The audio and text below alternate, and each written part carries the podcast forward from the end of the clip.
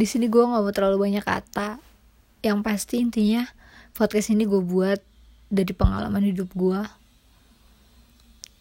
yang memang gue ngeliat orang-orang sekitar gue